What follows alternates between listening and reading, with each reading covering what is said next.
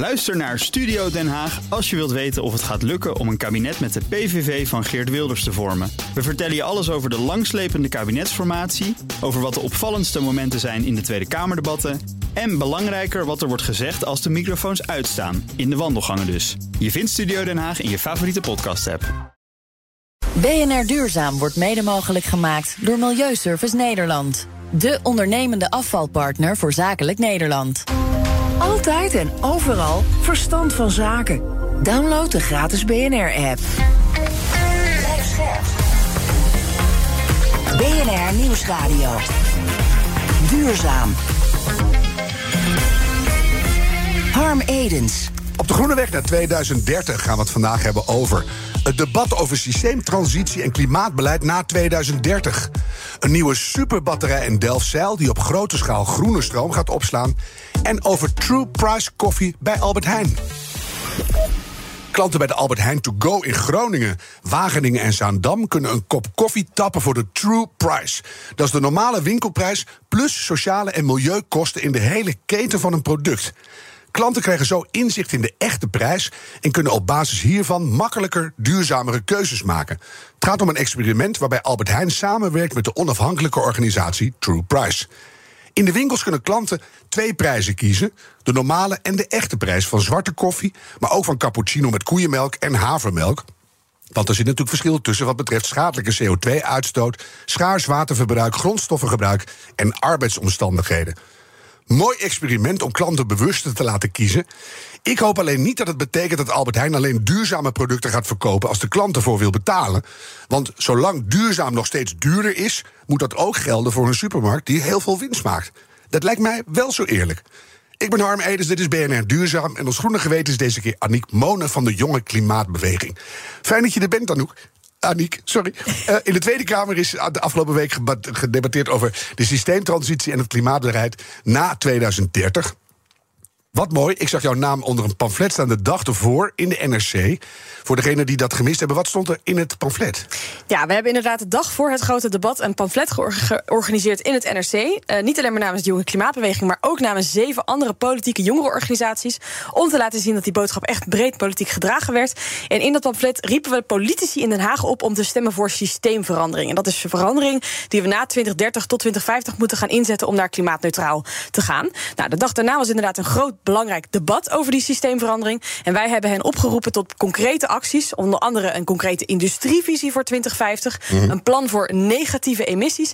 En een verschuiving van belastingen van arbeid naar materialen en uitstoot. Ja, dat laatste is ook superbelangrijk. Later kwam dus dat debat over het toekomstige klimaatbeleid. Eh, heb je het gevolgd? Wat is er uitgekomen? En voelde je nog iets van je eigen invloed?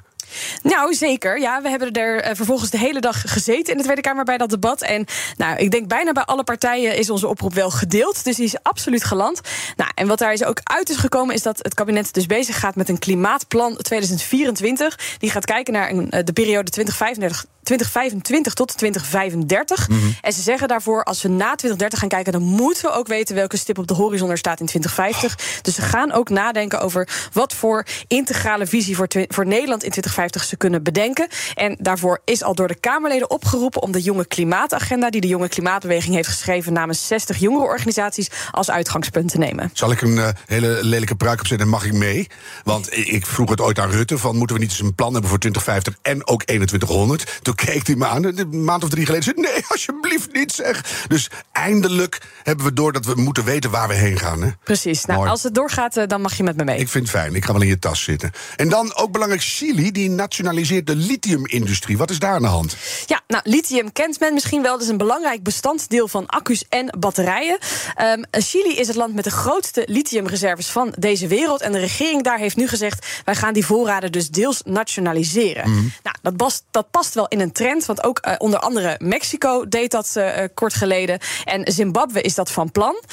Um, maar dat is dus wel een hele belangrijke ontwikkeling die ook effect heeft voor Nederland. Ja, en de vraag is: voor de interne economie van een land is dat goed. Maar is het goed of slecht nieuws voor de energietransitie? Ja, nou in het verleden is zo'n nationalisering van een grondstoffenvoorraad niet altijd goed nieuws geweest. Want het gebeurde vaak zo dat het geld wat daarmee werd verdiend. Voor voornamelijk naar de elite in dat land ging. Ja. Dus voor de energietransitie betekent het dat Chili zelf zelf die lithium ook wil gaan verwerken. Dus ze willen het niet alleen maar delven, maar vervolgens ook verwerken onder andere batterijen. En op dit moment hebben ze daar eigenlijk nog relatief weinig kennis of kapitaal voor. Want dat Mhm. zit voornamelijk bij buitenlandse batterijen. Nou, als je dan kijkt naar Europa, wij hebben op zich wel lithiumvoorraden, maar eigenlijk niet zo heel erg veel. We zijn best wel een grondstofarm continent. En tegelijkertijd willen we dus minder afhankelijk worden van China. Chili is dus best wel een logische partner om voor die lithiumvoorraden op samen te werken. Maar ja, Lekker Europees, hè? Chili? Lekker Europees. Maar Ja. voor ons, eh, eh, als Chili dus kennis en kapitaal kan gaan aantrekken hiervoor, is het potentieel goed voor Chili zelf als we het uit de handen van de elite kunnen houden. Maar het kan dus wel gevaarlijk zijn voor de strategische autonomie van Europa. Ja, dus samen mooi ontwikkelen en ook een beetje kijken naar onze eigen voorraden. Zullen we nog één eh, hele positieve uitsmijter doen? Ik vond het heel leuk nieuws. We kunnen met de trein naar Stockholm. Precies. Nou, ik vind het ontzettend leuk nieuws, want ik hou heel erg van lange, te, lange treinen, Waarom? treinritten. Nou, dat vind ik gewoon heel erg leuk. Prachtig uitzicht, veel generatie. relaxte reizen. Oh. Nou, als je dus naar Zweden wilt, dan hoef je dus niet meer met het vliegtuig. Eh, eindelijk na 30 jaar is er weer een nachttrein tussen Hamburg en Stockholm. En in plaats van dat je er dus 20 uur doet vanuit Nederland om naar Stockholm te komen, duurt het nu nog maar 12 uur. En kun je voor een groot deel gewoon lekker liggen pitten. Ja, en trek er even af wat je in, bij Schiphol in de rij staat te balen. En dan, dan weet je allemaal die kosten die je nou nog maakt. Dus het scheelt een paar uurtjes en je bent gewoon veel CO2-neutraler. In Stockholm. En het is veel duurzamer. Hè, want we hebben de laatste een aflevering over gemaakt. Zeker de moeite waard om nu nog even terug te gaan luisteren. Eh, prima te vinden in al je denkbare podcastplatformen. BNR Duurzaam. Groningen krijgt de grootste batterij van Europa... ter grootte van 15 voetbalvelden maar liefst. Het project moet in Noord-Nederland de weg vrijmaken... voor meer wind- en zonneparken. Ruud Nijs is van Giga Storage... het bedrijf dat deze nieuwe superbatterij ontwikkelt. Ruud, fijn dat je er bent. Een batterij waar je 15 voetbalvelden voor nodig hebt. Het is radio, hè? kan je een beetje beschrijven wat ik dan voor me zie?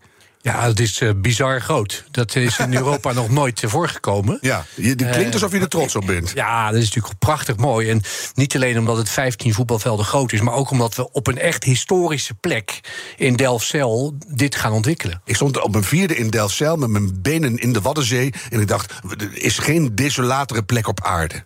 Ja, dat is misschien helemaal niet zo verkeerd voor dit soort projecten. Nou, Dan heb je misschien een punt. Eh, eerst even, je gaat alleen maar zo'n batterij eh, bouwen als het zin heeft. Hoeveel groene energie kunnen we daar opslaan?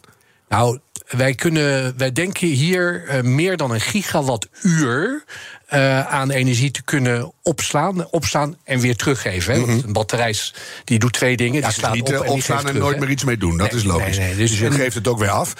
Ja, en als je dat vergelijkt met, een, als je probeert na te denken wat het is, dan zou dat 16.000 Tesla Model 3 eh, batterijen zijn bij elkaar. En dat is net zoveel veel als de hele omzet van Tesla van 2020 tot 2022. Omzet qua eh batterij. Levering aan Tesla's in Nederland. En dan, Ja. dan heb je zo'n batterij en dan stop je de groene stroom in. Wat heb je eraan in de praktijk? Hoe gebruik je zo'n ding? Nou, in principe eh, kan een batterij kan twee dingen. Het eerste wat die kan is het net in balans houden. Dus je hebt vraag en je hebt aanbod. En Mhm. het slechte van duurzame energie is dat het wordt opgewekt op een moment en in een hoeveelheid en op een tijd en op een locatie dat je het niet nodig hebt. En bij de fossiele energie, als iedereen zijn eh, toaster aanzet, dan zet je gewoon de gascentrale wat harder en zachter. Dus je gaat van vraag gestuurd naar aanbod gestuurd. Dus Mhm. je krijgt energie die je niet nodig hebt. Dus het eerste wat je doet met een batterij is het net tussen vraag en aanbod in balans houden. Ja. Bijzonder is, op dit moment kunnen dat eigenlijk alleen maar kolen- en gascentrales. Nou, doordat wij dit gaan doen, kan je uiteindelijk die kolen- en gascentrales daadwerkelijk uitzetten. Dus dat willen we graag, hè? Dat willen we graag. Dus die kunnen we ja. er tussenuit sleutelen. Maar je zei, het is niet alleen dat. Dus wat, wat nog meer? Nou, het tweede is dat wij met de fysieke beperking in ons net zitten. He, dat noemen we congestie. Ja. He, dus het net is uitgelegd van Tenet 380 eh, kilovolt langzaam naar beneden naar de 220 volt die uit je stopcontact komt. Mhm. En wij proberen overal in dat net proberen wij zonneparken, windparken, industrie er aan te tikken. En dat lukt niet. Nee. Eh, dat net loopt, eh, wordt warm. Dat is niet voor ge- ingericht. En nou, de netwerkbedrijven zien dat. Dus die gaan meer dan 110 miljard euro investeren in het verzwaren van dat net. Maar dat Het gaat verdubbeld in zes jaar tijd. Het was nog 50 miljard een paar jaar klopt. geleden. Ja, ja. en wij mogen dat overigens wel allemaal zelf betalen. Daar kom ik misschien zo nog even Mhm. op. Maar in ieder geval, eh, dat gaat allemaal jaren en jaren duren. En in heel veel gevallen is het ook helemaal niet nodig. Want als jij op strategische plekken in dat congestiegebied batterijen neerzet, dan kan je die pieken, en die zijn er maar heel weinig vaak, die pieken er afsnijden. Ja. En hoef je dus helemaal dat net niet zoveel te verzwaren als je zou denken. En los van die pieken betekent dat ook dat je met een lokaal grid helemaal niet meer aan hoeft te tikken in jouw woorden. Dat je kan zeggen: hier hebben we een soort gebiedje dat heeft stroom nodig. Dat wekken we zelf op. En de pieken en dalen daarin die vangen we op met een batterij. Ja, dat bestaat. Dat heet een gesloten distributiesysteem. En dat bestaat, dat werkt. Maar ik zou het nog wel altijd voor de zekerheid op het net aangesloten houden. Maar dan belast je hem wel bijna niet. Dat is gewoon ouderwetse lafheid. Doen we gewoon niet meer. Nou, in het energiesysteem van de toekomst zeggen ze ook vaak: we hebben veel vaker lokalere uh, batterijen. Dit is natuurlijk één grote batterij in Groningen. Wat hebben de mensen in Limburg daar als het ware mee? Ja, nou je hebt op alle niveaus heb jij batterijen nodig. Hè? Want eh, als je kijkt wat we nu uh, op de Noordzee gaan neerzetten aan wind, uh, offshore. Hè? Dat moet mm. naar het land toe. Nou, ik, ik heb net uitgelegd hoe dat systeem in elkaar ligt. Dat gaat natuurlijk helemaal niet. Dus aan de kustlijnen, Delfzijl ligt aan een kustlijn, zal je die enorme energie die binnenkomt moeten uitspreiden naar het netwerk. Dus uiteindelijk is die balancering van het net ook in Limburg gebaat bij energieopslag. Maar ik moet er wel bij zeggen dat dit de eerste is van wat er nodig is. Ja, nou, daar komen we zo wel op. Want het is, het is uh, eigenlijk een proefopstelling, laten we het zo maar noemen. Hè. Wat als het bevalt, dan kan je opschalen. Uh, wie worden in eerste instantie je klanten? Nou ja, de, wij hebben eigenlijk twee soorten klanten. Wij um, uh, hebben de energiebedrijven als klanten. Want die energiebedrijven hebben vraag en aanbod in hun portefeuille. Die moeten ze wegmatchen. Mm. Dat doen ze nu met kolen- en gascentrales. Is het lekker in de woorden? Wegmatchen, aantikken? Ja, ja, ja dat is allemaal lekker anglo-saxisch. ja, mooi. Ik heb er nog wel een paar zo hoor. Maar, maar in ieder geval, die energiebedrijven die hebben er baat bij om het via met batterijen te doen. Een voorbeeld is dat wij een batterij nu in Lelystad hebben draaien. Die hebben we verhuurd aan Eneco. Mm -hmm. En daardoor kunnen zij op een duurzame manier hun balancering doen. Uh, daarnaast kunnen wij ook zelf uh, energiemarkten opgaan. En zelf dat spel spelen met algoritmes tussen vraag en aanbod. Ben je wel een beetje de Arriva binnen de netwerken, hè? Dus uh, vroeger had je één verantwoordelijke. En er kwamen allemaal partijtjes bij en iedereen begint te klungelen. Is dat juist lekker voor de flexibilisering van de markt? Of wordt het ook een beetje een chaos totdat het weer in een nieuwe balans zit? Nou ja, Tennet heeft ervoor gekozen om uh, die balancering te spelen via uh, energiemarkten. Mm -hmm. En dat vind ik heel verstandig, want daarmee is er een prijs. Die, de prijs drijft uiteindelijk de oplossing. Ja. En iedereen kan daaraan meedoen. Ja, dat is ook wel fijn. Dat we ook uh, van alle kanten slimme oplossingen krijgen. Nou, zei je net, het is een batterij van 15 voetbalvelden. Klinkt indrukwekkend. Maar hoeveel van dit soort projecten, inclusief Limburg, hebben we nou nodig voor we echt van die kolen en die gas afkomen? Nou ja, um, er, er, is onderzoek naar gedaan. Um, ja, dat twijfel ik niet aan. de, de, netwerkbedrijven in Nederland die hebben een rapport uh, hierover uitgebracht. En die denken dat er in 2050 mm. tussen de 29 gigawatt en 54 gigawatt nodig is. Afhankelijk van welk scenario je doet. Helemaal duurzaam. Dit was 1 gigawatt in Groningen? Uh, nee, dit wordt uh, minder. Het is 1 gigawattuur. Dit wordt 300 of 400 megawatt. Groningen? Groningen. Oh, ik dacht al 1 gig. Dat is een gigawattuur, dat is de grootte van de fles. En we ja. hebben het nu over de flessenhals, om het mm -hmm. maar zo te zeggen. Ja, maar dan, dan heb je uh, hoeveel van die projecten nodig? Heel veel. Ja, ja, uh, en niet, dit is overigens niet alleen op het niveau van Tennet, maar ook op het niveau van de uh, distributiebedrijven. Dus Alliander, Enexis, mm -hmm. Tennet, uh, Enexis. Ja. En wij gaan ook de komende tijd aankondigen dat wij batterijen bij Alliander neer gaan zetten op strategische plekken. Dus die 29 tot 54 gigawatt is het totaal. Ja. Tennet geeft aan dat ze op de hoogspanning ongeveer 11 gigawatt nodig zullen hebben in 2030. Dus dat is allemaal doorgerekend. Ook leuk voor het kabinet, hè? Dat daar het toekomstplaatje al uh, zich begint aan te dienen. Aniek, wat, wat denk ja, jij? tegelijkertijd denk ik, hebben we hier eigenlijk allemaal wel plek voor? Want Nederland is natuurlijk ja. niet per se een land wat, uh, wat ruimte over heeft. Gaan we straks vragen. Gaan Want we, we zitten vragen. in een zorgvuldige opbouw van deze bevraging. Ik wil eerst even weten. Dat is een goede vraag. Ja, maar die, die staat genoteerd. Dus onthoud hem even. Want ik wil eerst weten, deze batterij die komt op het terrein van Aldel. Dat is die beroemde aluminiumfabriek die in najaar door die hoge energieprijzen ineens failliet ging. Waarom ga je op het terrein van zo'n oude fabriek rommelen? Nou ja, er zijn eigenlijk twee hoofdredenen. De eerste reden is dat uh, Delfzijl op een echt strategische belangrijke plek ligt. Uh, Tennet geeft ook aan dat ze heel graag willen dat we op deze plek dit doen. In, in Groningen, Delfzijl, Eemshaven komen heel veel uh, kabels binnen. Mm -hmm. En het wordt alleen maar meer. Ja. Dus het is een strategische plek voor wat ik eigenlijk net heb uitgelegd. Het tweede is, en voor ons heel In belangrijk. De zin van, los van hoe het ontwikkelt, nu ook al een goede proeftuin. Hè, want distributiecentra, Google zit er, of wat, een ander gigantisch datacenter. Dus dat, dat is echt een prima plek om te kijken of het werkt. Ja, nou, overigens in Groningen, in Noord-Nederland, is er uh, alleen maar congestie in de invoeding. En niet in de afname. Ja. Maar dus uh, het gaat met name om het feit dat je die wind en die zonneparken en die opwek meer ruimte geeft. Daar Ja. gaat het eigenlijk. Aha. De tweede reden, voor, mij heel, voor ons heel belangrijk, is dat er daar een aansluiting ligt met een transformator op het hoogspanningsstation.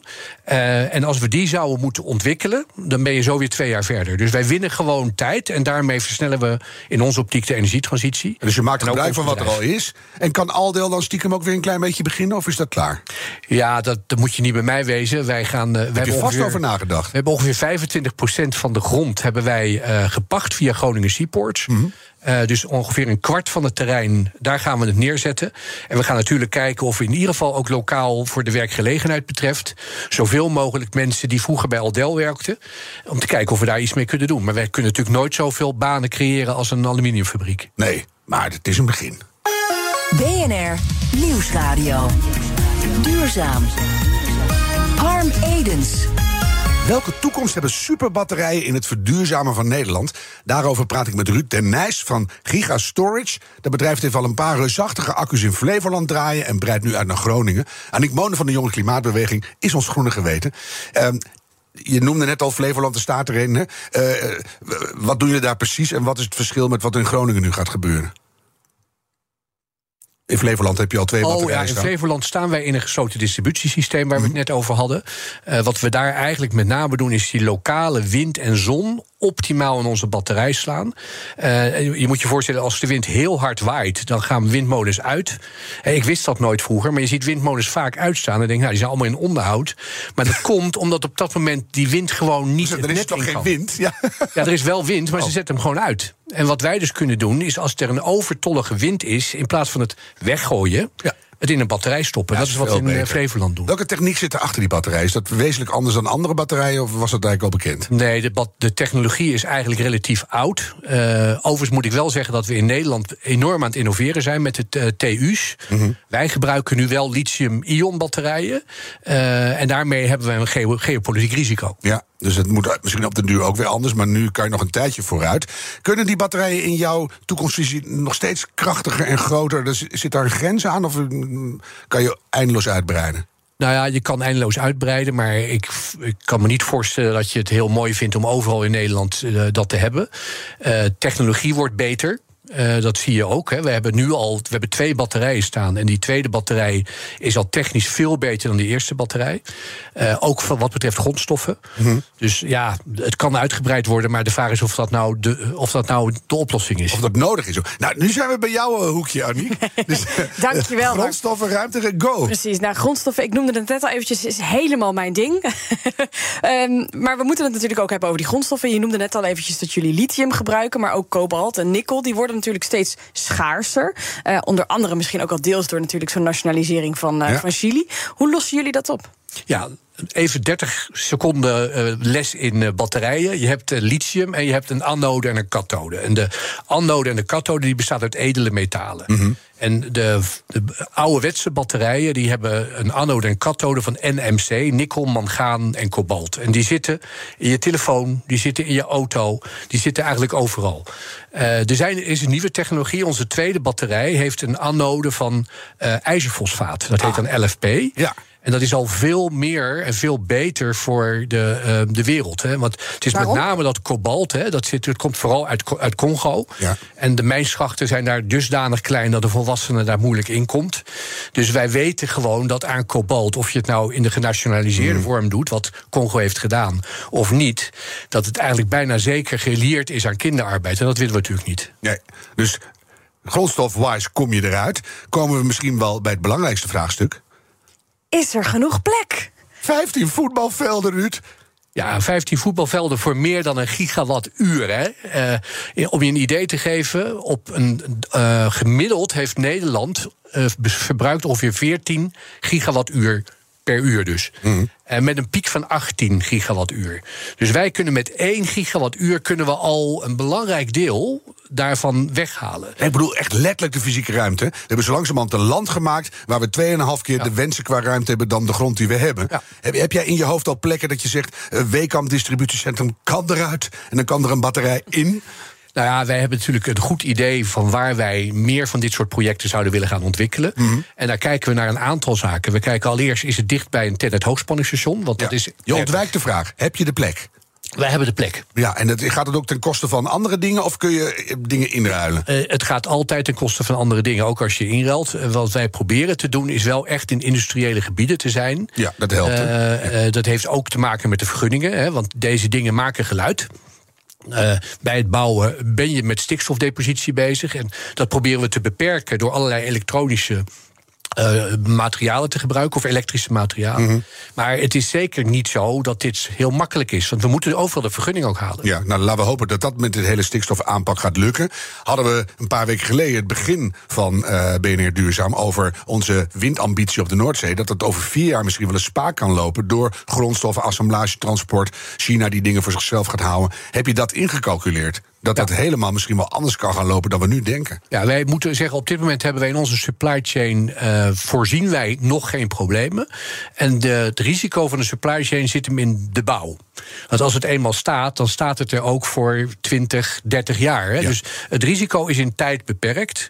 Uh, tegelijkertijd, uh, jij noemde het al, in Portugal is lithium beschikbaar. Mm -hmm. er zijn overal door de fabrieken gebouwd, ook in Europa.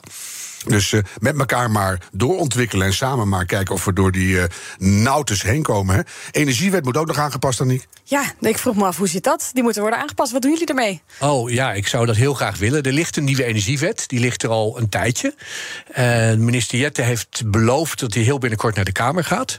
het belangrijkste is dat wij energieopslag als een aparte categorie ja. in de energiewet willen hebben. Dat bij deze verteld. Minister Jette, dat hij luistert. Luistert hij naar. Ik ga je enorm bedanken en heel veel succes wensen. Ruud Nijs van Gigastories, dankjewel. Aniek, wat neem jij mee naar vanavond? Oeh, um, nou ja, dat, dat het ontzettend kan helpen. In ieder geval als we dit soort batterijen uh, in Nederland hebben. Maar dat de uitdagingen toch ook nogal gigantisch zijn. Zeker als het gaat om ruimtegebruik. Dus ja. ik ben wel benieuwd wie de eerste verticale batterij in nou, Nederland ja, gaat plaatsen. Of, of we dingen kunnen combineren. Hè? Of we echt voetballen kunnen combineren met 15 van die voetbalveldbatterijen. dan, gaan we, dan gaan we echt een doorbraak creëren. Ik uh, hoop dat jullie uh, heel hard gaan nadenken. Ook dankjewel Aniek Monen van de Jonge Klimaatbeweging. Dit was BNR Duurzaam, de groene weg naar 2030. Laten we die met z'n allen nemen en een beetje doorlopen graag. De tijd van treuzelen is voorbij. BNR Duurzaam wordt mede mogelijk gemaakt door Milieuservice Nederland. De ondernemende afvalpartner voor zakelijk Nederland. Ook Bas van Werven vind je in de BNR-app. Ja, je kunt live naar mij en Iwan luisteren tijdens de ochtendspits. Je krijgt een melding van Breaking News. En niet alleen onze podcast Ochtendnieuws, maar alle BNR-podcasts vind je in de app. Download nu de gratis BNR-app en blijf scherp.